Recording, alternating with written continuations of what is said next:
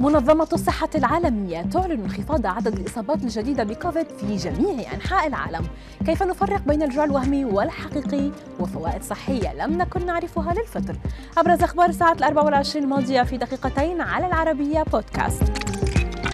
أعلنت منظمة الصحة العالمية أن عدد الإصابات الجديدة بكوفيد في جميع أنحاء العالم انخفض وذلك بنحو 25% الأسبوع الماضي في استمرار الانخفاض منذ نهاية مارس كما انخفض عدد بلاغات الوفيات بنسبة 21% يذكر أنه تم الإبلاغ عن أكثر من 502 مليون إصابة بالفيروس وما يقرب من 6.2 مليون وفاة بالفيروس حتى الآن حول العالم.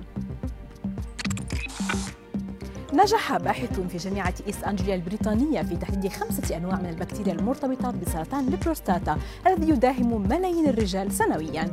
كما حدد الباحثون أيضا الآليات البيولوجية المحتملة لكيفية ارتباط هذه البكتيريا بسرطان البروستاتا.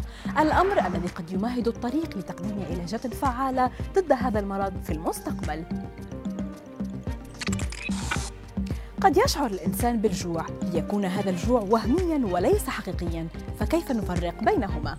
الجوع الحقيقي يظهر تدريجيا ويزداد بمرور الوقت أما الجوع العاطفي أو الوهمي فوري ويتولد مع رغبة فورية في تناول الطعام وينشأ في الدماغ. ويمكن للشخص الذي يشعر بالجوع الحقيقي أن يشبع أن يشبع حاجته بتناول أي نوع من الطعام. بينما يشتهي الشخص الذي يشعر بالجوع العاطفي أنواع الطعام التي تشعره بالراحة عند تناولها. كما يأتي الجوع الحقيقي بشكل يمكن التحكم به أو تأخيره بسهولة مقارنة بالجوع العاطفي.